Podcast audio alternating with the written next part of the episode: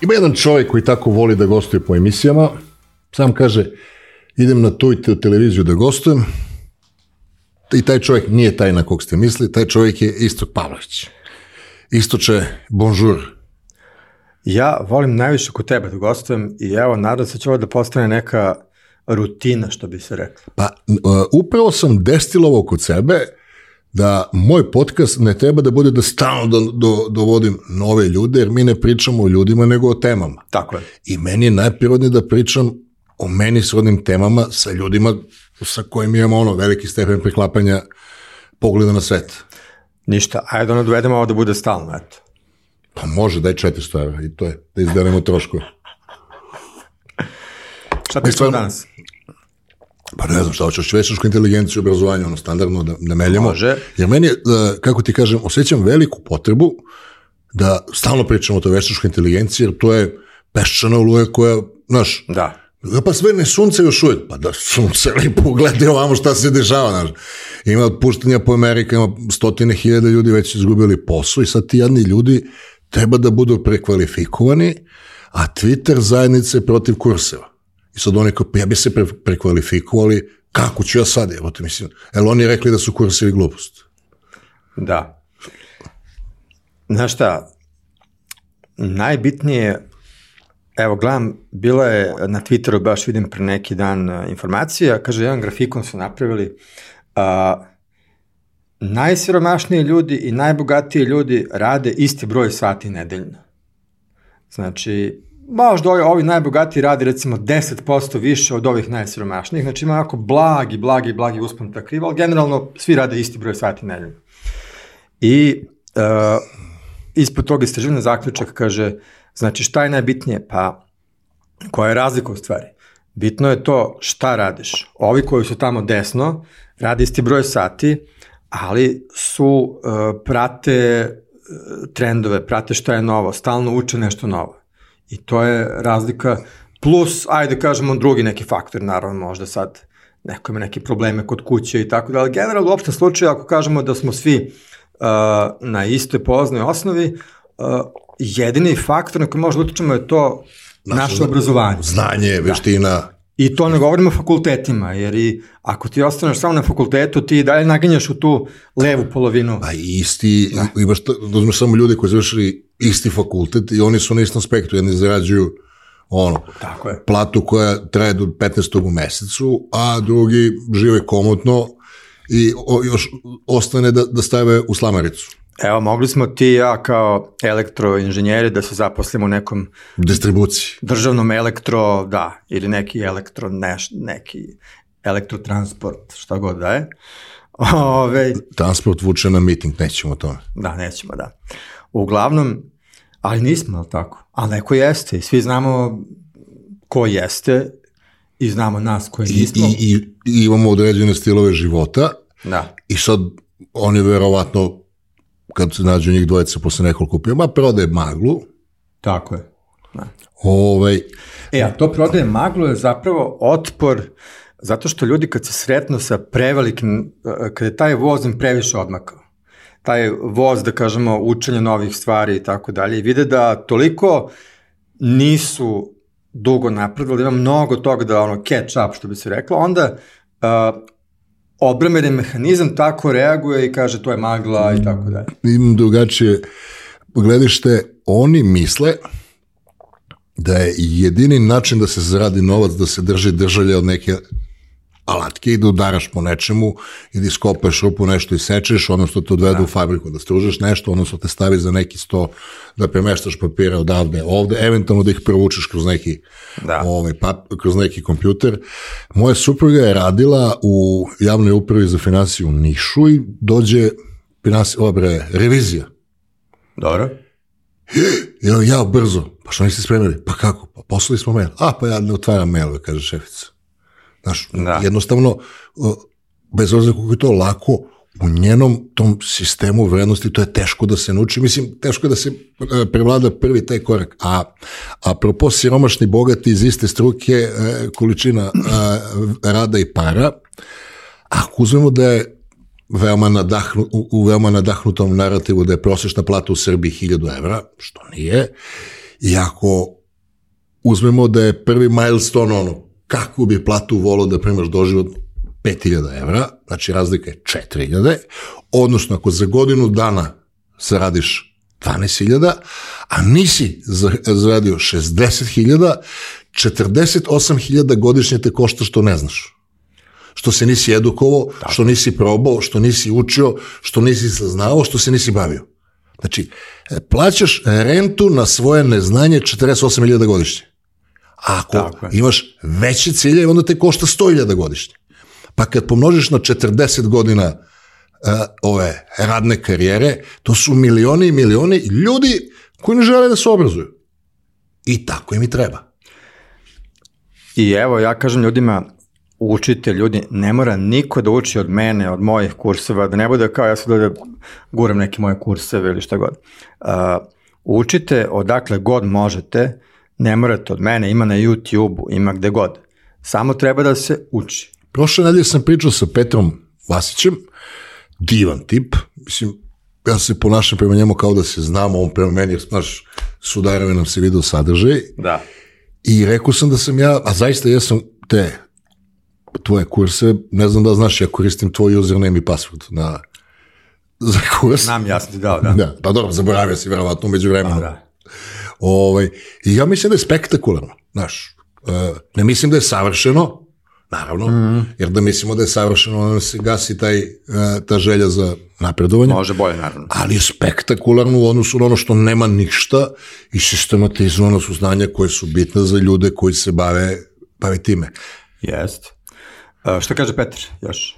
Uh, Petar, pa pričao smo, ono, imam pozitivno mišljenje o, o tebi i on i ja, mislim, ono, potpuno smo na istoj uh, frekvenciji, ja sam se malo kritično osvrnuo na tvoje hejtere, kao što uvek radim, veoma probranim uh, ovim da. Uh, jezikom koji simulira razne To su izgleda neki za, zajednički hejteri, ima neki, uh, nekih do, dosta presečnih skupova tih hejtera i njegovih i tvojih i mojih. Ja ne mogu da verujem da on, on ima hejtera i ti za tebe znamo. Ja nemam nešto sad, smanjio mi se broj hejtera, pobrisao sam, poblokirao, jer generalno hejteri izmisle temu, pošto nisu kreatori, znaš, ne upravljaju procesima, onda stavljaju rampe, znaš, ono, veštačke i onda su oni važni, ta voka kultura, ti oni, uh, oni odlučuju ko je podoban, mrž bre. Da. Znaš, u mračnoj sobi sa nickname, ne, ne pristajem na to.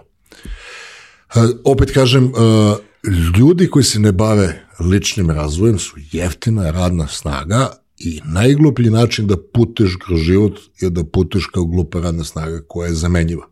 Ja ću, presim, sada yes. uveliko ta jednostavna zanimanja zamenjuju mašine. Ti uđeš u drugstore, on ti očita facu, uzmeš stvari, staviš u torbu, izađeš, on ti skine sa kartice kad izlaziš. Nema ih kasirice. Onda, još 7-8 godina, kako u Volvojoj fabrici, unutrašnji transport. Kažem, unutrašnji transport, to ne ono metar levo desno, Volvo je fabrika ogromna.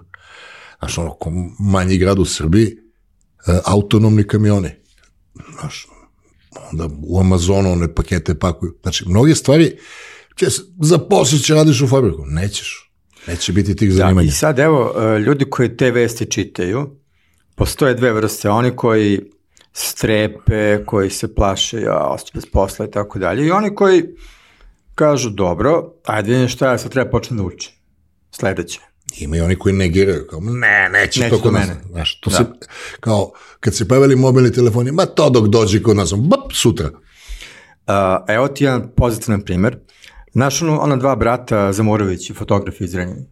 E, oni pre tri meseca, četiri, pojavio se onaj AI koji generiše slike. I većina fotografa, naravno... Uzet će nam posao, a Zamurović i generišu slike, bi postavio. Oni već tri meseca, oni su seli, naučili te promptove, naučili kako treba. O čemu se to radi? Meni nije što je to Discord, ono, znaš, to uopšte nisam pa, pokapirao. Uh, Discord je kao Slack, onako, ili kao Telegram. Ne znam šta je Slack, je, vi ga ne koristi. Kao, kao Telegram, kao, mislim, kao neke grupe. Ček, od neke moje devojke, kad sam recimo 20 godina, Aha. 20 je nešto, 2, 3, majka ne zna da vozi ni bajs, ne zna da pliva. I sad ne znam kad su učili da li beše da pliva, da li da vozi bajs kao, da, da recimo da kad, kad je učili da pliva one, u nepreterano mladim godinama, kao kad voziš biciklo. Sa time, isto ti je ko Slack, pošto ne, neko E, ali znaš, bre, ono kada počinje internet, pa onaj uh, Mirc, Irc, I to mi promaklo. Krstarica, Chat i ostalo. Pa nisam, ja, ja, sam, ja sam bio na forumima, to, mi, je- to sve mi promaklo. Uglavnom kad nešto kucaš tamo nekim chatima, ovo, ovo kucaš, kucaš te neke promptove takozvane. Uh, sad sam im baš rekao, rekao idem kod tebe u podcast da mi naprave neku sliku gde smo ti i ja zajedno, ne znam da li ste uspeli da... Ako, a tu ti komuniciraš sa mašinom? Uh, da, ne, njima sam rekao da probaju napraviti neku fotku gde smo ti ja kao... A, za Murovićima? Da, da, da. A, dobro, dobro. Ove, Kamo je slika? Oni su sad već na nivou da uh, mogu da rade fotke sa ljudima koji postoje, znači ne sad fiktivni ljudi, nego ti ubaciš taj softver, slikaš iz više uglova bilo koju osobu i znači slika na netu, nebitno, i, uh, i ti dalje preko prompta možda generišeš sliku te osobe u bilo kojoj situaciji da bilo šta radi ili da toj osobe neko nešto drugi radi i tako dalje. Užas. Da. Industrija, ovo za odrasle će biti promenjena iz korena. Pa evo, već vidim, bila je prošle nedelje vest da su napravili uh, OnlyFans profil neke devojke koja ne postoji. Da, da, koje, koje radi šta hoćeš komuniciraš s njom. Da, i ne znam koliko ljudi se tu prijavilo, misle da ona je realna i tako dalje. Tako da, mislim, to je samo početak. To su fotke. E, sad stiže za tri meseca video, znaš. Uh, ljudi će moći da, bit će raznih sigurno prevara, ono što sad prave one lažne profile, Ne, ne, hoće, tu, uzet će maha, mislim, više nećemo moći da znamo šta je realno, šta nije. Ja se šalje ti haker kao, e, ovako selfie moj. E, brate, evo me u Milanu, izgubio sam novčanik, brate, frka me, pošalje 100 eura, se vratim kući, aj ljubi brat, razumeš? I delo je skroz realno, sam, kao sam to ja. I mislim, ima da se pecuje ljudi samo tako na te. Ja znam da bi ti tražio 500. ti ne možeš se vratiti sa Novog Beograda bez 100 evra. A kamoli iz Milana.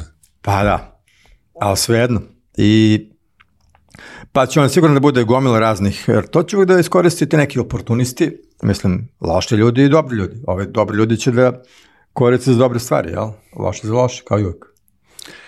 Ja držim sa Petrom Jurinom, držali smo webinar ovaj, o online poslovanju, da ih učimo ono što ja, recimo, intuitivno jako solidno radim kako da svoje prisustvo na društvenim mrežama načiniš vidljivim. I za razliku od tvog kursa koji po meni, koji znači ja hvalim, počinje lebdeći, ne počinje sa prvi korak, drugi korak, ne počinje kada dođeš u, na lokaciju, onda ćeš da postaviš piksel, znači nema, mi radimo onaj basics, onaj Dobro. nulti nivo, ali bukvalno korak po korak, šta tebe radiš danas, za 7 dana, i, i radi, juče smo radili mentorski, imali smo grupu od pet ljudi i gledam kako ti ljudi koji su online-u, kako njihov mindsetting je, znaš, ako zarađuje 500, da zarađuje 1000, ako zarađuje 1000, da zarađuje 2, ako zarađuje 2, pa 2,5, znaš. Nemaju ono uh, mindsetting, Jest. I to je problem. Mnogi su stigli tako do, do 2-3 hiljade evra i tu kao da su udarili neki zid koji su sami sebi nametnuli. se upoređuju sa okolinom Da, i i kažu, kažu, brisan prostor. brate, ovo je za Srbiju vrh, to je to, nema dalje. i Ćuti kao- ima i gore. Da. E, i tu se sad pravi neka distinkcija između, na, na tom nekom nivou, a ima ljudi koji kažu, čekaj bre, pa gledaš šta radi ovaj, gledaš šta, pa ja, ja imam potencijal, odignem na sto puta veći nivo, razumeš? Osnovni problem je onaj, ona četiri kvadranta Kiyosakija o, uh, u prvom kvadrantu su ljudi koji rade za platu, uh, menjaju svoje vreme za novac, imaju sigurnost, plata je mala. Mislim, generalno, gde god radiš za platu, ne traje ti 30 dana, nego malo manje, pa čak i kad dobiješ unapređenje veću platu, ti uzmeš veći stan, bolji auto, bolju kuhinju. Znači, prvi kvadrant su ljudi koji menjaju vreme za novac, radiš i za nekog. Imaju sigurnost i manje para. Drugi kvadrant su samo zapošljeni, ljudi koji nemaju sigurnost, ali zarađuju više, ali rade i više. Znaš, mislim, ono, ozbiljan rat race se tu vrti. I to su dva osnovna koncepta koji su nama dodeljeni kroz školovanje, s tim što se favorizuje prvi, jer u školskom sistemu uh, se radi na indoktrinaciji, da Tako je. čovjek uđe sa hiljadu ideja izađe sa jednim odgovorom. Imaš studije gde pokazuju da opada nivo kreativnosti kod dece iz godine u godinu školovanja, jer je na neki način školski sistem interfejs između nevičnih i industrije. Da od dece koje bi izrasla u, da nema potpuno obrazovanje, zašle bi u uh, ono, pritupaste ljude, onih što kažemo mi u Nišu, zaubave, napravi ih boljim i onda ih gurnu da popune rupe u proizvodnom procesu. Da. A, malo manje se ističe, odnosno malo manje je poznato da možda radiš za sebe, da možeš da budeš ulični svirač, da možda imaš piljaru, da možda prodeš krofne na plaži, da možda budeš e, ski instruktor, da možeš da budeš marketer. Znaš, radiš za sebe, da. radiš sam i postoji druga dva kvadranta e, gde se ne menja vreme za novac i mi, to nam niko ne, ne objašnjava, niko nas ne uči, gde si ti entreprener, imaš ideju za biznis, imaš kintu, počneš da praviš, dovedeš ljude, obučiš ih i napraviš strukturu na način da ti ključne pozicije ne drži ljudi e, sa mega e, jedinstvenim osobinama, znaš, kao treba nam neko ko da. priča španski i japanski, zna da baca noževi i vozi biciklu onu, onu na jednu točku, pa šta radimo kad on ode? E, to ne znam, nego se to raščlani na male celine i praktično u tom kvadrantu trećem uh, menja se uh, koriste se ljudi da ti zarade novac. To dosta novaca ako se bude kako treba. Znači, prvi kvadrant radiš za nekog, menjaš vreme za novac, drugi kvadrant radiš za sebe, nemaš stabilnost, sigurnost, jer kad polomiš nogu, a ti si instruktor uh, borenja ili si, ne znam, košarkaški trener, znaš ono, ne, ne košarkaški, radiš individualne treninge sa decom za tenis, nema income. Neće se dešavati. Možda se neko seti da sigura nogu, ali da, to je to. Da. E, uh, I u trećem kvadrantu ljudi ti zarađuju novac, ti ih organizuješ, ljudi zarade koliko treba, ti si taj jedan koji uzima višak ovoga uh, profita i u četvrtom kvadratu su investitori ljudi koji od novaca prave novac. Od novca prave novac. Imaš novac, nađeš čovjeka sa idejom, pomogneš mu, budeš tu uz njega i to počne ti proizvodi novac. Recimo, ljudi koji su u ranoj fazi uložili u Google, u PayPal, u, Tako je. u Facebook, imaju sad mislim da, da sam ja na zvonjenju, jer dok si ti ležerno kasnije u emisiju... Ne, uh, ja sam, evo, poslao mi je Zamurović našu sliku. A i ja sam u, u zvonjenju, jer dok si ti ležerno kasnije, ja sam uključio telefon. Pa dobro, ličimo, uh, ja više ličim nego ti, ali treba malo još da se sredi ovo, ali eto kao, nije loše. Aha, ova kamera, dobro u suštini ove, može stvarno da se uradi slike baš da bude ono, jedan kroz jedan. Kao budem ponovo? A moja faca liči malo više nego tvoja. Tvoja, više, ti si više ispoko neki... Ja kad sam bio mlađi. To. Ah, dobro. Ovde ja, ličiš, na, ovde, uh, tu ličiš na ognjena fit pasa. Algoritam malo pobrkao. Da, a da, to je to, gostovo si u emisiji. Tako da, u tom četvrtom modelu gde ti novac ulažeš novac, mislim, ne računamo ove kamataše kod nas, koji mora da uloži neki fizički rad kad neko neće da, da plati. U našem obrazovnom sistemu niko te ne, ne, ne dajete četiri opcije, ne dajete tri, ne dajete ni dve, ni nego dve. završi, zaposli se sve u redu. Šta kažu roditelji? Samo ti završi, zaposli se Da, oni kažu, ne, oni kažu stvari završi, pa onda sve može. A onda zaposli se, pa sve može. E, to, to, to, ali kad završiš, više nije sve može, nego zaposli se, to to. Što kažu, it's a trap. Nemoj da, nemoj da odrasteš, zamka čeka tamo. Pa evo, uh, mene su tako, kad su videli da sam ja završio taj faksa, nisam se zaposlio u tom državnom elektro nečemu. Uh, veliki deo rodbine koji su pošli naravno tim putem, kad dođu na te slave i to, I sad, znaš, krenu te priče, šta bre gubiš vreme, bre, gledaš šta radiš, kao, šta se šta tu Šta pišeš ti, bre, šta tu ono da, svojim blogom? Šta... Nešto zanosiš kao, evo bre, vidi ovaj, ovaj radio ovde, radio ovde. Znamo Mićku distribuciju, stavimo tamo da budeš da. šef s mene.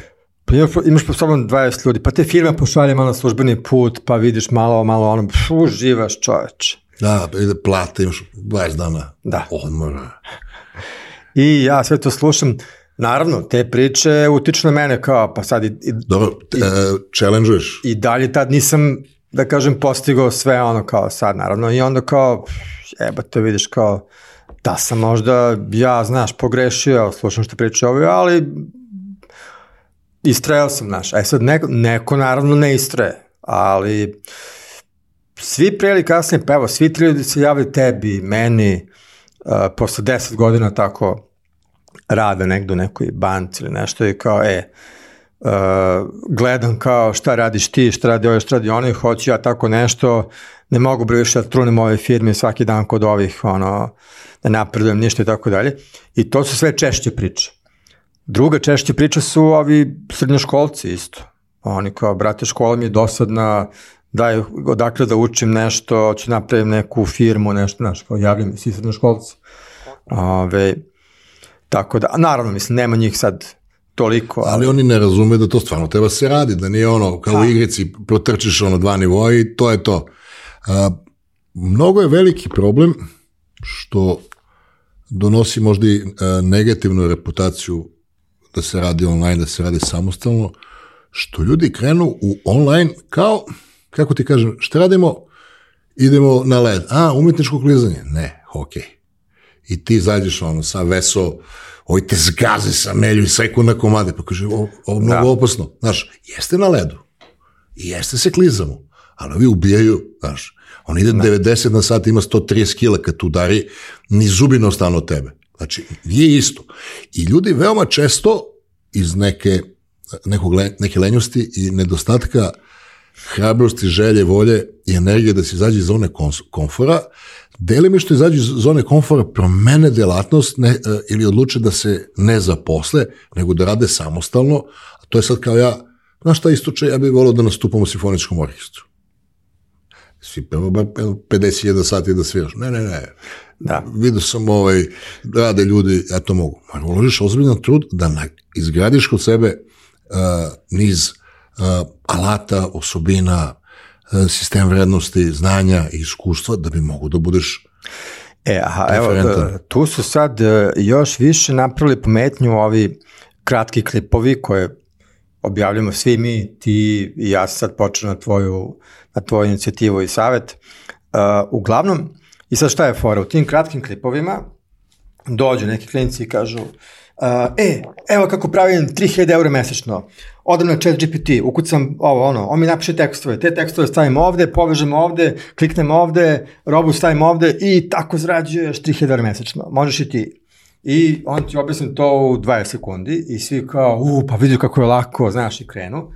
Ali to je isto kao, se vidiš na TikToku, recept za sarmu. Ne. Evo, sarma za 10 Ne, ne, sekundi. ne, ne. Kako da zaradiš 350 evra? Staviš post, objasniš kako se mršavi i kažeš javite mi se, ljudi se javi daju ti pare. Ili kad pitaš Šekilo Nila, kako da zakucam? Evo, skočiš i zakucaš. Čekaj, ja sam 150 visok. Da.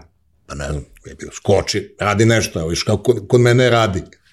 Da, e, ali oni u tim klipovima, čak i da je to sve u teoriji tačno, oni tu preskoče, brate, 50 koraka između, koje kad bi stavili u klip, e, a by the way, znaš, treba da znaš da pišeš i copy, treba da znaš i engleski, jebi ga, treba i kad bi tako stavili u klip kao što realno jeste, i treba jedno godinu dana realno ovo da se nauči da kako treba da radiš, onda niko ne bi se upecio na to. Nego se pecio na te koji su kao brzi. ono. Te društvene mreže, kod tih nerazvijenih mladih ljudi, mislim, nisu zaokruženi, imaju neke elemente razvijenosti, ali ne sve, iz generacije imaju sve manje. E, n- glavni narativ je brzi keš. Da. Znaš, da napraviš kombinaciju.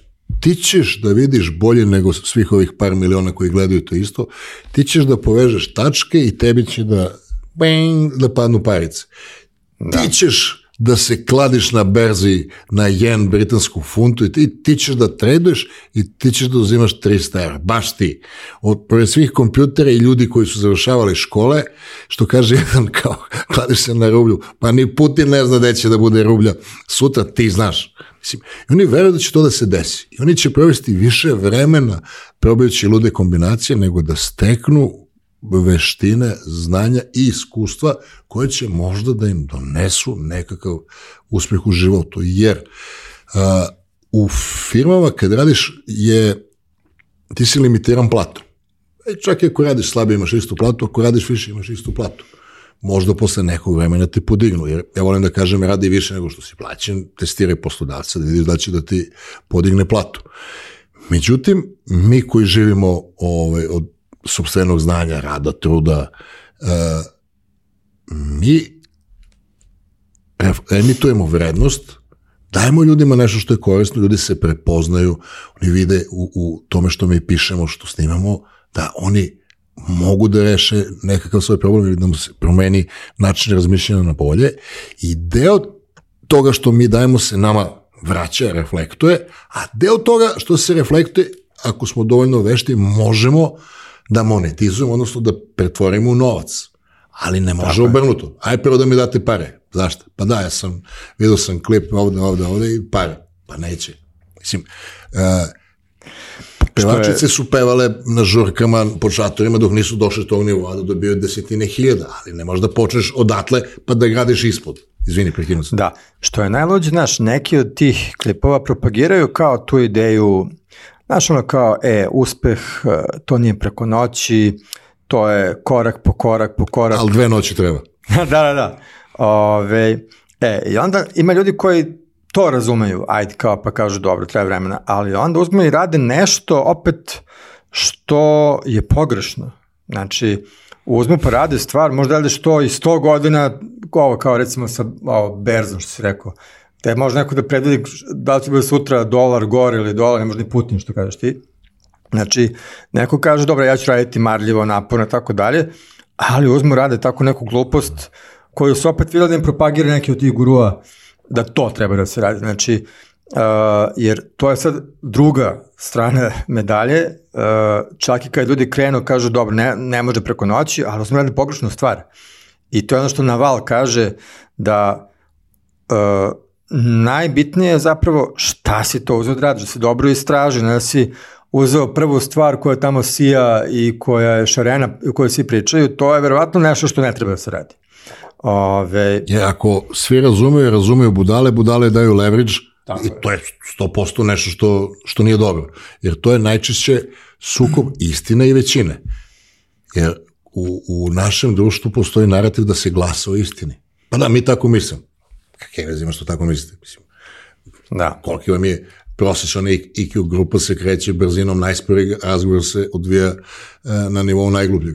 Jer ne možeš razgovaramo svi ako pričamo, znaš, mora ga razvodniš. Tako da su uh, mediji napravljeni da najgluplji mogu da, da konzumiraju. I onda oni oforme javno mnjenje.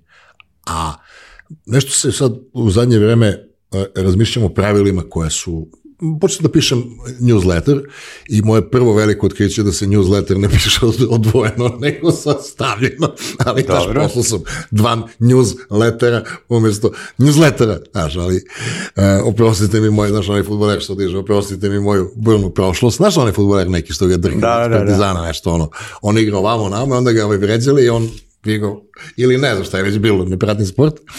Znači, to je prvo što sam otkrio newslettera, drugo, ovaj, počeo sam da pišem taj newsletter i nešto sam shvatio za, uh, za ovaj, pravila koja nas okružuju, znaš, uh, društvena pravila, društvene norme, pa sve to dolazi iz prošlosti. To je vremenska kapsula iz prošlosti. Ti ljudi koji su izmislili ta pravila, izmislili su ih na drugom nivou svesti u drugačijem osluženju, okruženju. Ta pravila su napravljena kad su postojale ozbiljnije opasnosti, kad mogu neko te iseče, da neka životinja te pojede, i ti ljudi su bili teletabisi, znaš, niži IQ, jer samo pre, ne znam, 100 godina uh, vrhunski intelektualac u, ce, u toku celog svog života pročita sadržaj ekvivalentan jednom uh, vikend izdanju New York Timesa.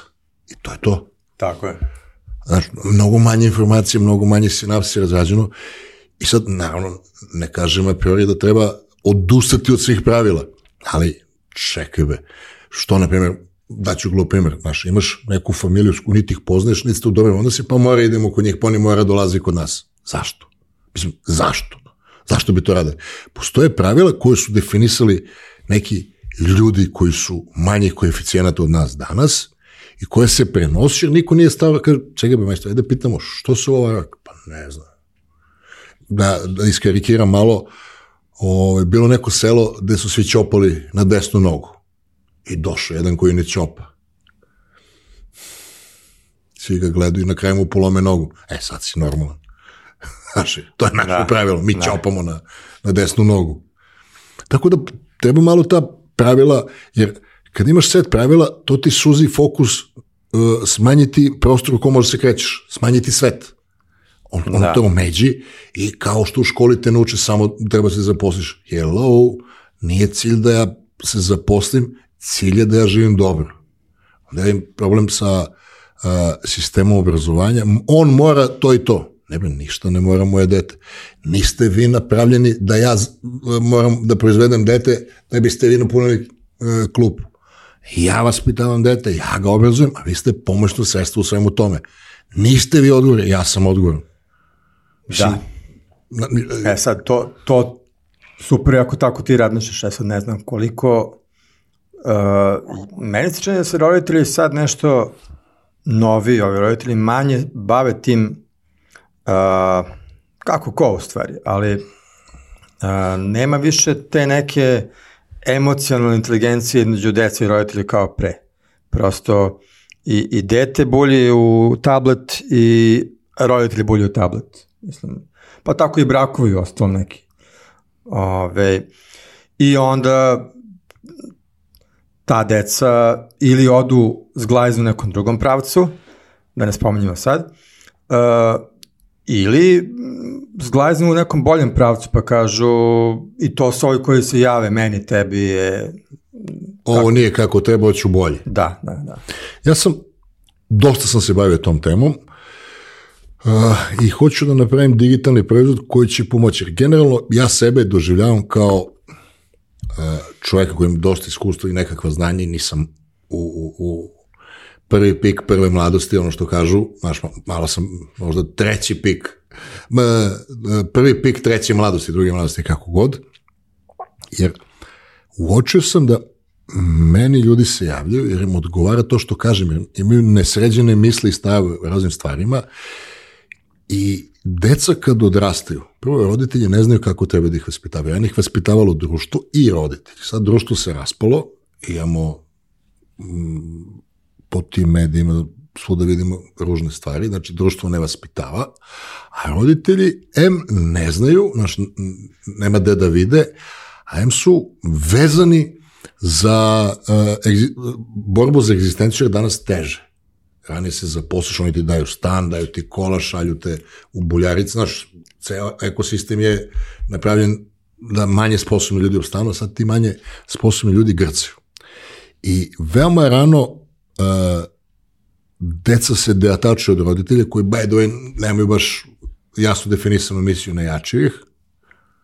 Mislim, roditelji pričaju, deca ih čuju, ali ne, ne prenose se informacije. Tako je. I onda se okreću, njihov fokus se okreće na ljude i događaje i uređaje van kuće. I onda ih preuzima internet koji je ono grozomoran. Gde možete da se svašta, da je to jedan, jedan eksperiment veliki. Uh, tu možda da krene to dete u hiljadu nekih pravaca, koji mogu biti dobri i loši. Sad ja sam pozicionirao sebe, hoću da napravim taj i online kurs, da je, hoću da objasnim uh, koji su elementi života, to je točak života, znači da možda izmeriš kao ono za pikado, ono što je izdeljeno, ili kao pizza što je isečeno, u sredini nula okolo, ono, na napolje raste, zdravlje, karijera, posao, kinta, odnos sa decom, ljubav, putovanje, da viš, da radiš metriku svog života. Da viš gde se nalaziš. Jer nekad se dešava da koristimo energiju nivoa 10 za neki problem koji je nivoa 1. Daš, nešto što je marginalno, svu pažnju posvetimo tome. Recimo, u mom svetu ovog online trenera, treneri koji nemaju kintu, oni besomučno treniraju, nadaš se da će doći kinta zato što treniraju. Pa ne, nije problem u tom treningu, problem je da ljudi saznaju šta ti znaš. I hoću tu da pozicioniram da tim mlađim ljudima kažem, a i ljudima koji su manje više moje generacije su se uh, uljuljkani su u konzumaciju kontenta, naš sistem za zaključivanje nije dobar, recimo, smatram da je jedna od prioriteta u našem životu da imamo ljubav. Da nam je taj kanal kako treba. Jer ako si ti u, u vezi sa tenzijom, visok pritisak, šećer, uh, ovaj, kortizol i čitava petlja se zatvara loša zdravstvena, na duže Tako. staze ti oboljevaš, loš si roditelj, glup si kao vozač. Znaš, sve to. Ako si ti u tom, da kažem, jednom uh, harmoničnom odnosu, a to se gradi, to se ne dešava, moraš da se naučiš da praštaš, da nemaš ego, svašta, svašta nešto treba da se nauči. Tako da sam poređio to u segmentima i praktično ću da downloadujem moje znanje i uh, moja uverenja na određene teme i stavit ću na raspolaganje ljudima, jer to sigurno ne može da odmogne. Recimo, ja sam veliki zagovornik toga da se, na primjer, u sabraćaju ne svađam. Ko nas je narativ, odmah vadiš, pa čekaj, brate. Pa da. taj pošao jutro da se pobije s tobom.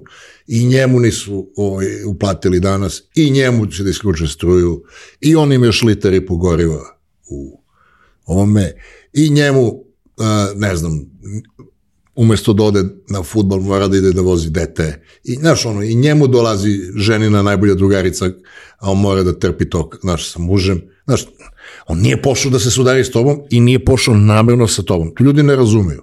Ja, ja sam za tu verbalnu jiu-jitsu, znaš, uopšte ne baviš se kad ti neko što tako uđe, samo okreneš pogled i teraš dalje.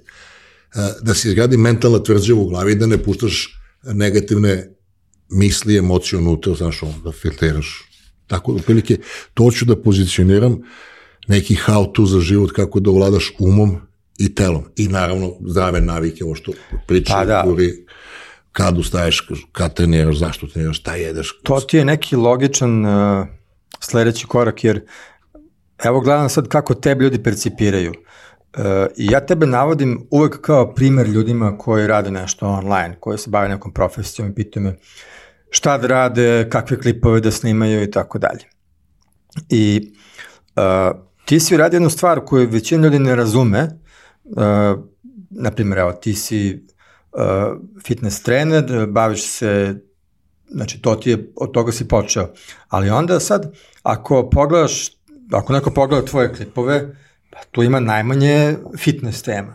To je i istorija, i psihologija, i sociologija, i ispitanje dece, i uh, svašta nešto. Uh, e sad, ali to je dalje u, u, u skladu sa vrednostima toga čime se ti baviš. Znači, ok, uh, ti ljude učiš da se osjeća bolje u svom telu, da žive zdravije i tako dalje, ali sve je to deo istog matriksa Dajem vrednost ljudima. Da bude bolja osoba, da bolji, bolji duh i tako dalje.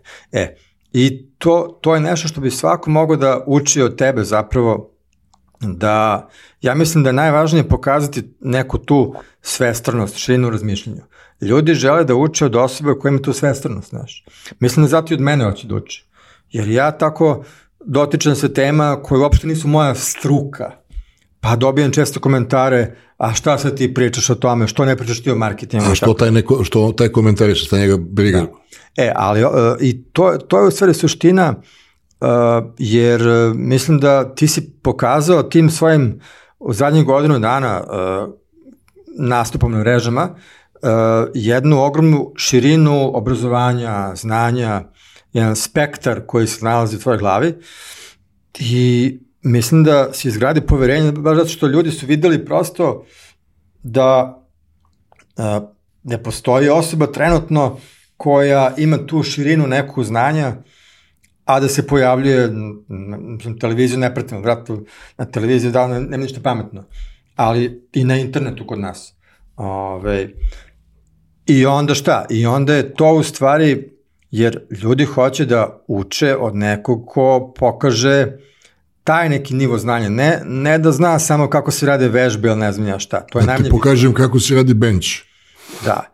I masa fitness trenera pravi tu grešku, izbacuju klipove kao E, evo kako pravilno treba da radite gluteus. Ne ovako, nego onako. Četiri najbolje vežbe za biceps. Da. Uh, I onda njihov sadržaj zaključuju, tek kad kupiš možda gledaš moje vežbe. Da. Uh, ima tu još jedna stvar koja sam postao svestan jutros dok sam pisao ovaj, uh, status mentalna tvrđava, pošto sam počeo uh, odgovara me nešto u zadnje vreme, svako dana da pišem. Ustajem u pet i od 5 do 7 pišem i mnogo mi prije.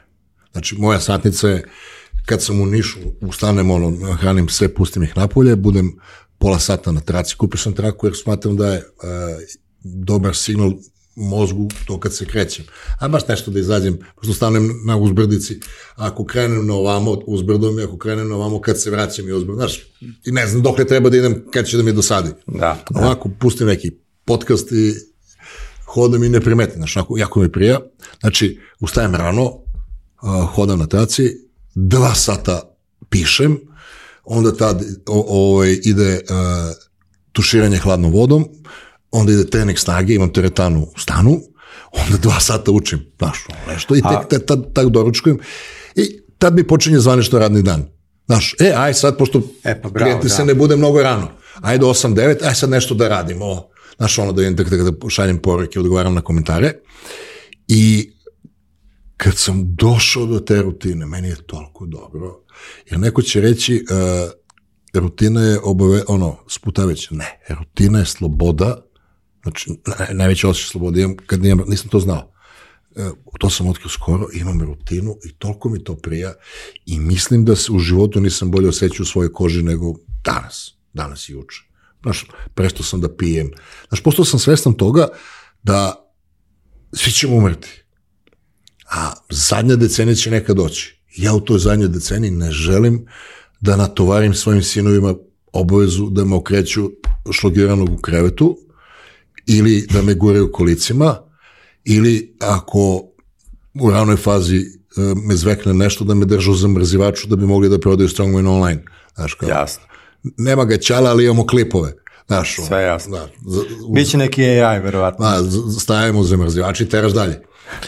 I ne želim uh, da povećavam šanse da ne mogu da ustanem, da ne mogu da hodam, da ne mogu da stavim kofer u avionu ovaj, gore. I onda sam odlučio da se držim religiozno toga tri treninga snage, zapravo je sedam kod mene, pošto mi razdelim na manje cijeline da brže prođe, Aha. da, da spavam kako treba, da, sve radim kako treba. Sve što znam da postoji, naređao sam, jer kad zamisliš kako želiš da izgledaš za 10, 20, 30 godina, koliko para da imaš, šta da, sve, zdravlje, onda kažeš, koje su bre navike tog tipa, šta taj, šta taj maj, e, majstor radi, šta on je bolji od mene? Pa ništa, koji to radi to, to, to, to. I naređaš kako treba da izgleda e, prosječan dan idealnog tebe za 10 godina. I onda ide ključno pitanje, a šta mene sprečava to da radim?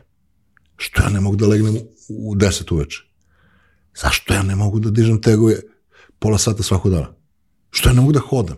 Znaš, šta me konkretno sprečava? I kad sam to raščistio sa sobom, kad sam ukapirao da moje zdravlje nije samo moje zdravlje, be. Mislim, realno, mislim šlogiram sutra. Mislim, sad šlogiram. Znaš, ti kamerman mora se drkate da zovete hitnu pomoć, da me nosite, onda samo da prebacite. Kao, aha, znaš, sam, vi ništa da ne radite. Onda se javi moja porodica, pa me transportuje. Znaš, i on, masu problema koje imamo, a ne bismo morali da imamo, da sam ja radio, kao što jesam, da sam radio detaljan, detaljan pregled, da sam izmerio krvnu sliku, pritisak, šećer, hormone, pa, pa, pa, pa, pa, a to je lako. Znaš, i Da. kad sam to ukapirao, mnogo mi je, kako ti kažem, osjećam da imam bolji grip svog života. Pa evo sad e, vidim da je baš ogroman trend da se konačno priča o tome. Svi ovi life coachevi, evo, uh, Tony Robbins izbacio knjigu, onu, Life Force, uh, Andrew Huberman je nikad popularniji, znači izgleda da je to postala jedna tema. o- Iteratija, Outlive. da, By the way, ovolika knjiga Tonija Robertsa, išao sam sa Jovanom, Da, sa suprugom. jako debela, da. Išli smo u, u Meksiku, žene i ja, ja sam pročitao knjigu, znači, Niš, Beč, pauza par sati ovamo i kad sletao i ono, čekaj me polako. Znači, celo sam je progutao. Znači, Da, celo. ti vjerojatno već znaš dosta toga, samo si onako listao, vjerojatno. Pa dobro, e, mapirao sam šta je šta je odlična knjiga. Mogu da ti kažem da je uh, Life Force meni, sad kad se sleglo, jača nego uh, Outlive Peteratije. Zašto? Iz nekog razloga dozvolio sam sebi da me nervira Tony Robbins. Možda je to posle nekog razgovora naš, mog sa Nikolom i njega malo znaš, ne, ne ceni ga, dva sam Nikolu da mu kažem, Nikolu Božinića da, da mu kažem da sam ja promenio, pa ti kako hoćeš. A toliko puta sam slušao Peter Atiju, da nemam nikakvu informaciju o knjizi. Mislim, Da. e, ja znam ja kako pišem knjige, e, knjiga nastane iz dva tvita bloga, pa onda ga što ne napišeš njima, onda ti pišeš, pišeš, pišeš, kaže malo je, pa ti pišeš, pišeš, kaže malo je, ti pišeš, pišeš, a bre, jel će da pišeš nešto? Pa evo te šta više da piše, znaš. Jer veliki deo knjige su fileri. Da, to može chat GPT sad da pišete filere. I onda sam se ja izvežbao da da presečem i da uzmem taj eventualno biser ako postoji još koljki, ako ima dva, tri još bolje, ali generalno ovaj, odlična knjiga Tony Robbinsa i odlična je tema ta da prestanemo da vadimo ljude iz reke nego da pođemo u zurno da vidimo što upadaju, da ne čekamo da, Da. padnemo i za njim hoćemo. Tony je vratno skapirao uh, da ima taj following, da ga ljudi prate, kao što prati i tebe i mene, njega prati ono, ceo svet. I kao, ajde kad već ima taj publicitet, da on skupi te neke doktore, ove one, i da oni kompiliraju sve što nauka trenutno zna o tome. ono, edgy. Kako se kaže srpski red za edgy, to ivični, rubni. Znaš, pokušavam da izbegnem, ali nekako za edgy jedino za to ne znam. To je ono, kako na, nauka napreduje, pa na ivici uh, nauka i Cut, nismo, cutting edge na engleskom, a sad, pa eto, dobro, da. Na, na oštrici nauke. Znači, kako nauka napreduje, e, mi pratimo bojica, ja samo pa i to radim, to mnogo volim, pratimo dokle je došla medicinska i uopšte a, bilo koja nauka koja pomaže e, poboljšanju kvaliteta života i smanjivanju verovatnoće da ti se ranije ugasi zdravlje i da ti se ranije Da, završi život. da, da. I pa mislim, obzirom da eksponencijalno napreduje saznanje ljudsko o svim tim stvarima, znači za 10 godina je otkriveno više stvari nego zadnjih 100 godina i tako dalje, zadnjih 100 više nego zadnjih 1000 i tako dalje.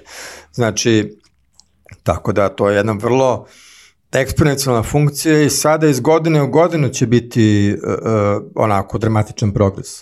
I mislim da će ta, Tony Robbins da pravi knjige ono uh, 2023. edition, 2024. edition i tako dalje. Da, da, da, da. Da. I odlično je. Suština je da on priča uh, da je revolucija izazvala terapija matičnim ćelijama i to ne matične ćelije kao što se rade po Evropi koje se vade iz sala i iz ove koštane srži, jer matične ćelije su blanko ćelije koje se razmnožavaju kad se spoje jajna ćelija i spermatozoid i onda nekoliko deljenja one su blanko, onda se počinje specializacija ko će biti bubreg, ko će biti uh, ovaj, koštana srž i e, matične ćelije služe u procesu izlečenja organizma, jer dolazi do ćelije koje su bolesne, oštećene, procenjuju da li su za eutanaziju ili da im se da, da im daju recimo svoju mitohondriju, svoju minotermocentralu. Problem je što se kod aj tebe, ali kod mene se razmnožavaju na 60 sati i za mesec dana ja ih imam 300-400, a kod bebe se razmnožavaju, odnosno kad nula dana na 24 sata i za 30 dana ima ih milijardu. 600 i milijardu je ozbiljna razlika i zato uh, dete kad je malo poseče se ništa, ima čak slučajeva kad bebi uh, se desi povreda da izgubi prst i zraste novi prst. Mm. E, ta je revolucija sa matičnim ćelijama iz placente. Placenta je 3D štampač za bebu. Placenta je interfejs između majke i bebe i placenta ima e, tehnologiju do štampa dete. I ono je puna, mislim, pričamo onako, potpuno uh, jednim uh, rečnikom uh, podobnim za razumevanje za široke narodne mase, naravno neko će to bušiti, nije ona 3D štampač, to je organ koji i placenta se nakon rađanja bebe baca u đubre, a jedna pat- placenta može da snabde 140.000, odnosno uh, materijalom da se uh, tretira 140.000 ljudi. Wow. I to se radi najbolje u Panami i bukvalno to je ono, pomladiti ćelije. Prosečna vrednost ćelije bude mlađa i ja ono, skupljam pare da odem. Nemam nikakav problem s tim, hoću da ubrizgam ova moja kolena i ovo što mi se krive noge, jer meni e, sad dalo od košarke, dalo od tegova. u, ja uopšte ne mogu, ne mogu da se slikam frontalno, krive mi noge, Da. može da mi prođe pas kroz noge koji nosi picu, ono, znaš, da, da, se, da ne umaže pantalone, onda kad se slikam kao influencerki stavim u šreh, da me ne pitaju što ti krive noge, pa ne znam, evo te krive mi noge. Tako da postoje e, ta medicina koja je sada preventivna, koristi se e, matične ćelije, koristi se terapija egzozomima, koriste se peptidi, peptidi su uh, lanci aminokiselina, s jedne strane su aminokiseline, s druge proteine, ima ih, oni su u sredini. Aha. Recimo, najpoznatiji peptid je insulin. Mislim, mnogi ljudi bi umrli bez insulina, bez injekcije. I Jasne. za razliku od lekova koji imaju ovaj, dejstvo kao kad imaš u nekom u nekoj podelskom prostoriji 200 ljudi i pet terorista, ti baciš u njihov separe bombu, pa oni će možda poginuti, iako se zadesi još neko jebi ga, to nam je što nam je, a neka čak lekovi deluju, bacam u prostoriju, da je, znači, a, organizam a, reaguje na lekove, a peptidi, proizvodi ih organizam, na peptide daje odgovor. Znači, u jednom da. kanalu se dešava radnja, najčešće ne, ne daje na 30 mesta dešavanje, pa ne znamo šta se dešava.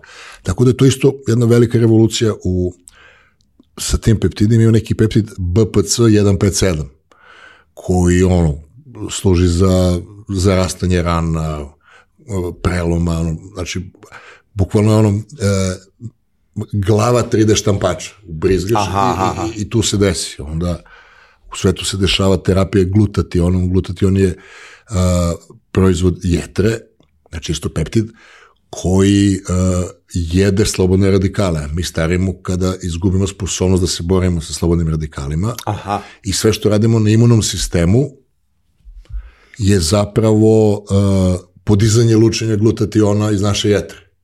Kad uzmeš eksterno, em odmoriš jetru, em pocepaš ovaj, sve te uh, slobodne radikale, a sad ne znam da li jonska kovalentna veza, slobodni radikali su uh, ovi molekuli koji imaju ili potrebu ili višak jedan elektron, jonska kovalentna veza, i onda oni se zalepe za nešto što je korisno i tako ostanu i blokiraju funkciju tih e, molekula koji su nam korisni.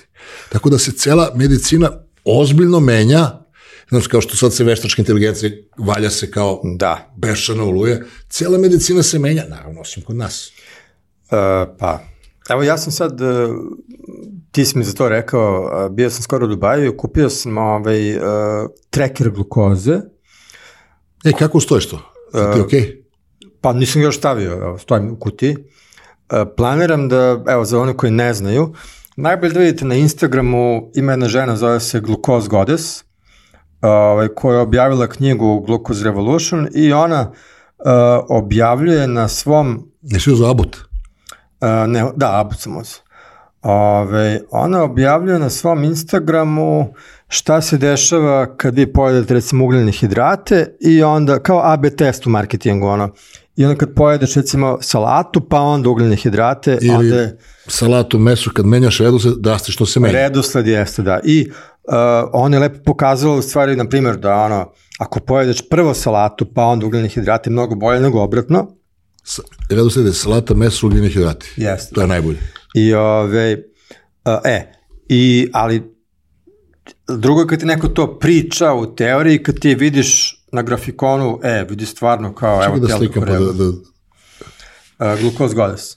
Ove, I ona ima tako masu dobrih grafikona uh, preporuka za ljude da gledaju kod nje, jer ja sam od, od kako gledam njen profil, ja sam počeo pre svakog obroka ili u restoranu recimo, ja u restoranu sad prvo poručim salatu, šta god da jedem, I ne mažeš one puterna leba. Naravno. E onda proždurem nekad čak i dve salate.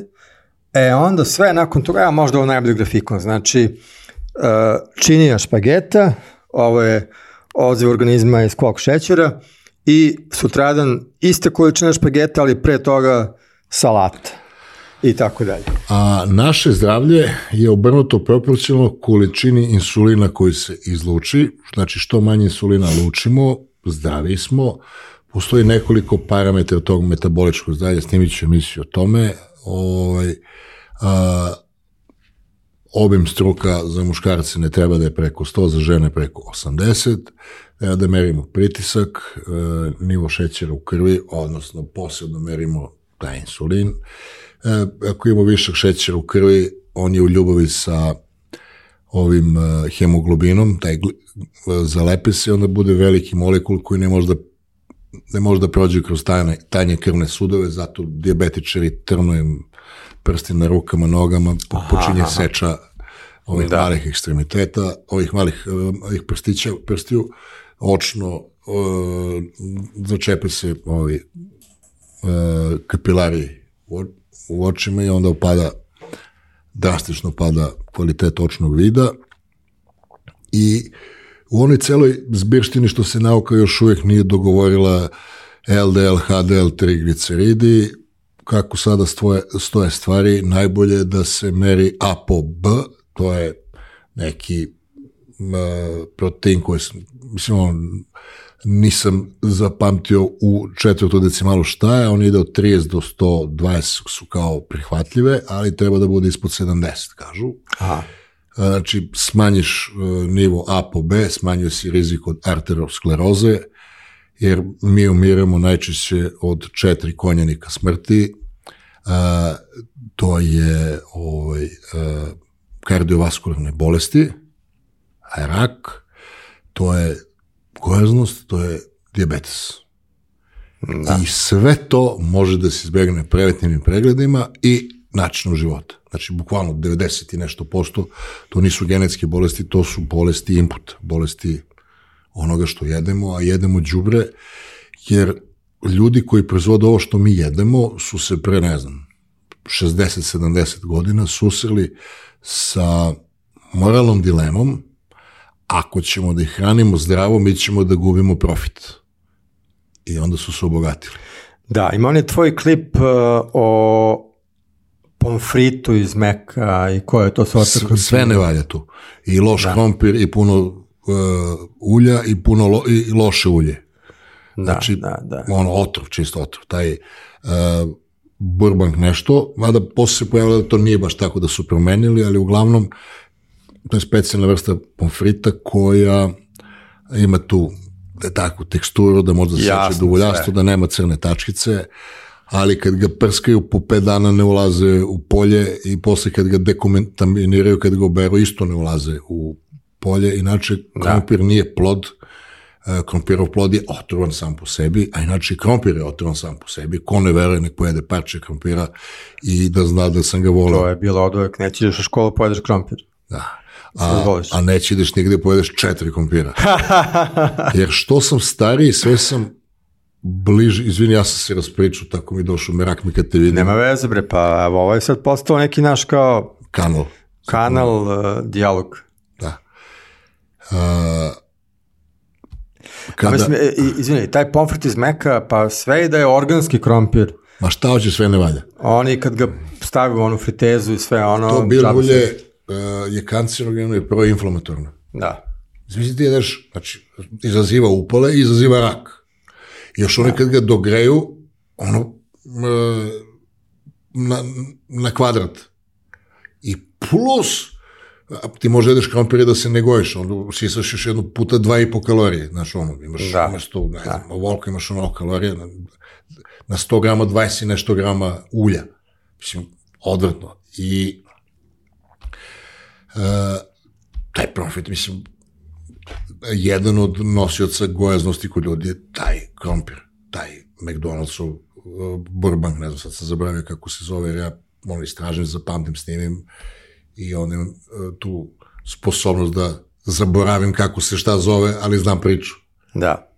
Ja sam počeo, uh, odem u Mac, jer imam te cravinge, što kažu, uh, ne izdrž na naš jezik valjda, i ali uh, sad vežbam samo disciplinu tako što dođem do onog šaltera i ovaj kad mi kaže izvolite, umesto ja otvaram usta da kažem Big Mac i pomfrit tako dalje, ja kažem uh, uh, jednu salatu Izvini, nisam se zasmejao, ali... Da. Ja kažem... Pa šta, šta ćeš u McDonald'su? Salatu, pa, pa ne, vežbam disciplinu. Pa nemoj da vežbam disciplinu tako.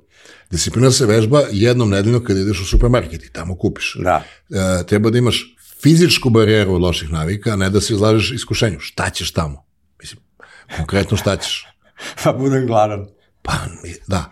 Ja sam I sad na blizu. karnivor dijeti već uh, desetak, 15 dana. Izvini sam, iako sam ponosan na sebe, kad ja to izgovorim salatu, a svi drugi jedu ove pomfrite, Big Macove i tako dalje, onda ja jedina budala tu meku, jedem tu salatu, ali sam srećna, eto kao što sam uspeo to kao. Kada izlaziš iz procesirane hrane, mislim, procesirana hrana je napravljena uh, onda kada su ljudi okapirali, koji proizvode tu hranu, da mogu da budu bogati, ako nam prodaju hranu od koje ne možda se najedemo. A ta hrana ima manje uh, nutrijenata, odnosno manje proteina, a višak energije. I ti da bi pojeo dovoljno proteina, ti pojedeš mnogo više energije i počneš da ličiš na kanister za energiju. Mislim, ne ti, ja, ja sam bio debil, sad sam manje debel, ja sam ono, na 109 skino ovim stomaka, imao sam ko zna koliko, hoću da ga naguram ispod ovoga, ispod 99, znaš da bude, jer počelo da mi smeta što me ovaj, upoređuju sa onim nekim tipom iz reality, onim krimusom, pa sam obrisao sve klipove iz Majamija, svuda, znaš, gde sam ja nešto se tuko, vato ih za gušu, to ne postoji, mm -hmm. oprostite mi moju burnu prošlost, znaš, sad se pravim da sam nevin, i počelo me, da me nervira što pričaju što ti ne smršaš, pa rekao, pa jebote, pijem pivo, pa mislim što pijem pivo. I onako, poprilično sam uvao red, mislim, sve to kumulativno dovode do toga da ja, ono, vrlo ubrzano mršavim, ali hoću da kažem, kada ti smanjuješ količinu procesiranja hrane, koja je prebogata kalorijama, koje su nam nepotrebne, a nema dovoljno uh, ovih proteina i vlakana, ti ulaziš u jednu skalu gde sa jedne strane se nalaze biljke, a sa druge strane se nalaze životinje. Znači, možda jedeš isključivo hranu biljnog porekla, to su vegani, i isključivo životinskog porekla, da su karnivori.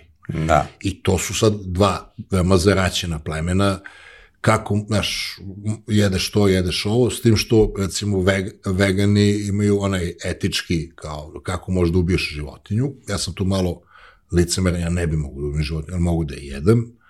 A, onda A, da. imaš vegani, pa vegetarijanci, pa se razvodnjava, to je mediteranska palo, šta god. I onda dolaziš do ovaj, low carb, pa ne znam, jedeš meso, jaja i ovaj, i mlečne proizvode, ne jedeš mlečne proizvode, ali jedeš jaja i meso i samo meso. I sa mojim današnjim razumevanjem, koje je bolje nego ranije, karnivor dijete, eliminišuće dijete, eliminišeš sve što nije meso. Ne postoji na testu za alergiju da je neko alergičan na meso. Možda budeš na boranju, na grašak, na Coca-Cola, na šta hoćeš, na pomfrit, na otirač ispred McDonald'sa, ali niko nije alergičan na meso. Znači, Da. to je jedna uh, dijeta koja čisti organizam s tim što treba ići oprezno, probaš nedelju dana, probaš 10 dana, da vidiš gde se nalaziš, jer ne prihvata svako sve na isti način. Što sam stariji, mišljenja sam da di- dijeta treba da bude individualizovana, znaš, ne može one size fit to all, iz prostog razloga što nemamo iste crevne bakterije. Znaš, neko jede i ništa, on u stvari izbaci kroz stolicu neke kalorije, jer ima neke bakterije koje ne uživaju preterano u ugljenim hidratima. I uh, dok sam na karnivor dijeti sada, šećam se odlično. Eto, to sam teo ti kažem. Da, eto, oko tih dijeta, na primer, uh, mi smo sad došli već, pa ima sigurno 10 godina kako je došla neka nova paradigma, jel tako, ranije je bilo masti treba izbjegavati, sad su ljudi shvatili u stvari da su šećeri, odnosno prosto ugljeni hidrati najveći problem, što je bilo, ima ta priča da tamo 60. godina, da se tražio krivac za u Americi, za, za kao veći I broj. prehrambena industrija usmeri pažnju prvo na šećer, Na a posle na meso. Na meso. Pa prvo na masti, pa su se vozili ono 40 godina, a onda sponzoriš onaj film, uh, kako se zove, bre, ja sam se primio, da je kao meso izaziva diabetes i onda se Da. pojave se novi radovi da to su fake istraživanja. A, a realno kad se pogleda prehrambena industrija a, ono što je najjeftinije za proizvodnju svima su prosti ugljeni hidrati. I to ne možeš se ne jedeš, jedeš da. blesu. Ove, tako da to treba sve da govori ljudima ove, o tome ko šta tu spinuje i ali dobro, evo sad imamo tu novu, da kažem, ipak osvešćenje neko.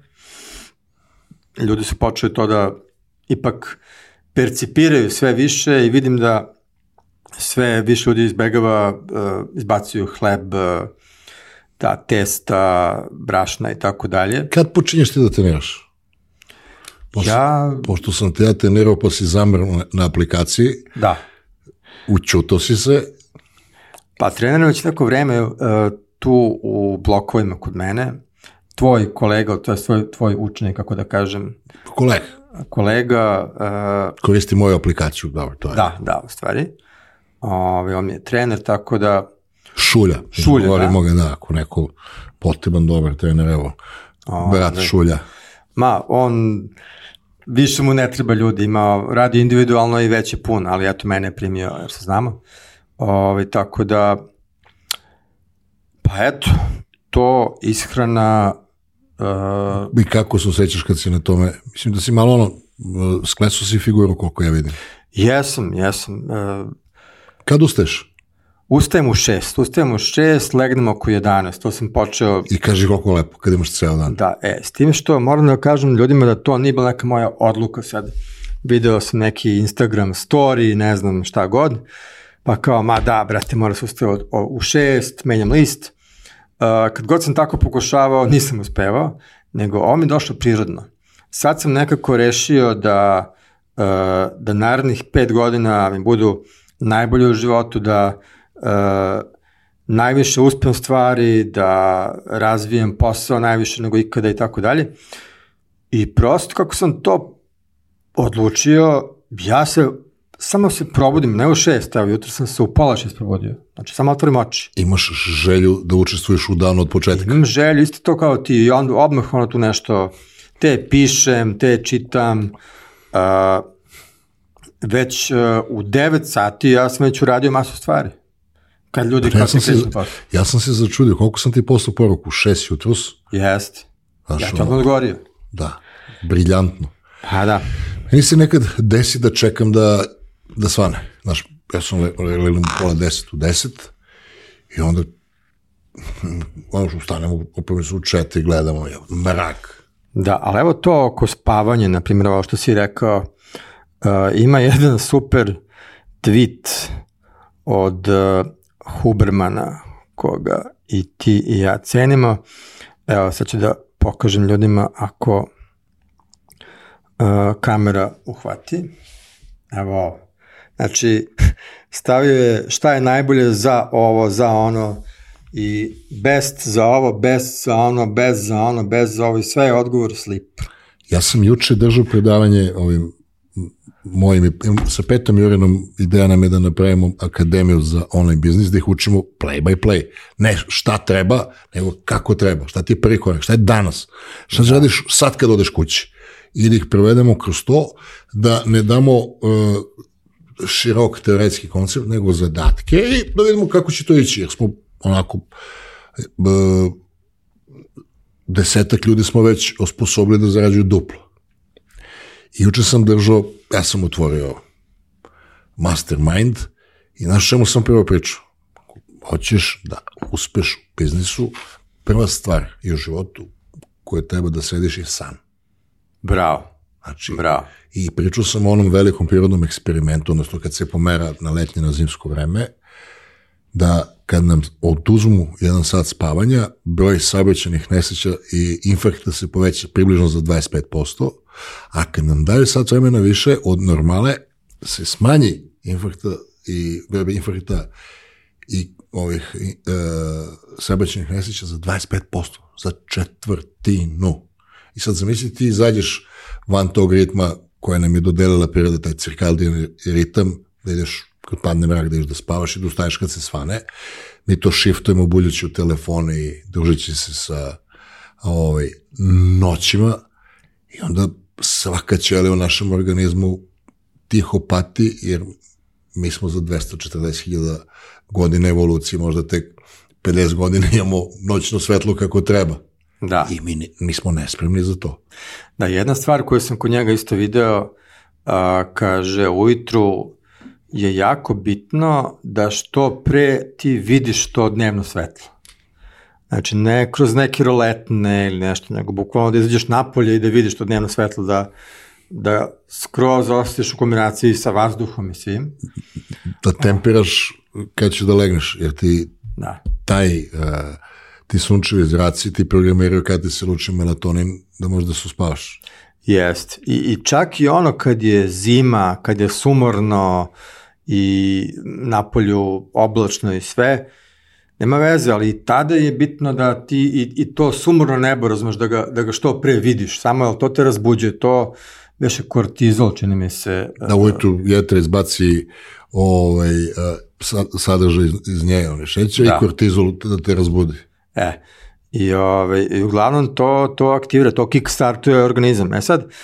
I ne treba piti kafu prvo dva sata da se sam kickstartuje organizam. Da, ima nekih ljudi, ja nisam siguran dalje da li su oni uh, sami sebe to bili. Ja znam ljudi koji rade noću, recimo. Užas. Uh, rade do tipa neki, uglavnom freelanceri koji rade sa Amerikancima, tam malo ne moraju, mislim, i ti ljudi mogu da rade ono normalno. Ali oni tako rade noću do 4, 5, onda legnu tad i probude se u 12. I ti ljudi mene ubeđuju kao, ma ja sam, znaš, ono, sova, ševa, one podele, ja sam ta ptica noćna i tako dalje. Ali evo, on je objasnio lepo, mislim, ima redkih slučajeva kad neko, ajde kažeš, tako funkcioniše, ali uglavnom su to ljudi koji su sebe ubedili da su oni takvi, a u stvari su više u nekoj vrsti depresije. Ili... Oni su ove rajdovali, što kažu ovi što pričaju samo engleski, ove rajdovali su problem kao je meni super. Da, da, da. Uh, često je to neki psihički problem koje ljude baca u to noćno bdenje i tako dalje. Oni se to opravdavaju kao ja noću radim, ja sam noćna ptica, ne mogu ja ujutro i tako dalje. Moje mišljenje kada bi se oni probali i napravili neku rutinu i resetovali se na ovo fabričko podešavanje da bi sto podeli produktivniji. Kažem ti ja sad, ne znam koja tačno promena je šta donela, ali ono, pazim na iskrenu treću decimalu, uzemi suplemente, Znaš, jer meni uh, deficijentni smo svi sa D vitaminom, uzimamo na švagandu, što kaže Huberman. Da. Uzimam cink i magnezijum, ovaj, uzimam i neki testosteron booster da ima šta će tu da se desi. Da. I mogu da ti kažem da baš ono, polazio sam za Beograd prekviče, ono, kezim se, u, znaš, niti žurim, niti Bože daj. Znaš, sve mi je potaman, zalazak sunca gledam, i kažem, ej, baš se dobro osjećam, znaš, kad postaneš svestan, Reci mi, kako ti se dopalo ovo tvoje prvo, pošto nije ovo, ovo je drugo formalno, ali prvo naše neformalno, gde smo se dogovorili da češće dolaziš, jer pravac ovog podcasta neće biti da dovodim razne ljude, nego da pričam razne teme sa istim ljudima, ovaj, pade mi na pamet, znaš, što sad da izmišljam ljude da. po svaku cenu. Znaš šta, ovo je dobro zato što često tako najbolje priče budu kad uh, dvoje ljudi koji, ili troje ljudi koji nešto uče, znaju i tako dalje, sednu i pričaju i meni često bude žao, evo, sedeo sam sa Nedimom Šabićem na kafi pre nelju dana, pričali smo isto ovako sat i po, ne znam. I to ode u vazduh. I ode u vazduh, rekao, jebote, samo da sam imao dva mikrofona da stavim i neku kameru, telefon da stavim pored veze, ove, koliko bi bilo ajde, neke stvari ne, nije sve za javnost, ne znam, tu neko kaže, sad spominju se neke stvari koje nisu za javnost, ali se seća možda 5% toga, ostatak može u javnost. Koliko bi to bilo, brate, ljudima uh, vredno, Tako da evo, uh, ovo je u suštini, mislim, pozvao si mi na kafu, razumeš, samo nismo na kafi, nego smo u studiju, nema veze. Ove, jer ljudi koji prate tebe, prate mene, prate slične ljude, uh, znaš, ovo je super, jer često podcasti, uh, znaš, ima, ima puno gostiju, stalnih novih ljudi, ali ti kao sad, ko je sad ovaj, da li ovo da slušam, da li da ne slušam, pa pustiš, pa kažeš, a ovo je priča nešto bez veze, uh, mislim, ima puno pametnih podcasta. Ovo je podcast koji jača. Znači, Tako je. ne želim da ispričam priču kako je neko ono, uh, zaradio prvi milion na foru, mi tu ništa ne možemo da naučimo, znaš, ono, podesio da. se da je srećan. E, evo oko toga, izvini, uh, evo baš to da pomenemo, znači, ti ljudi koji gostuju po podcastima uh, i koji pričaju kako su na neku foru uh, došli do prvog miliona, to... Su generalno štetni. Štetni, jer to je taj, uh, vidio sam baš na YouTube, ima super klip, uh, zovu survivorship bias. Znači, survivorship bias je taj, kako bi to bilo, neki...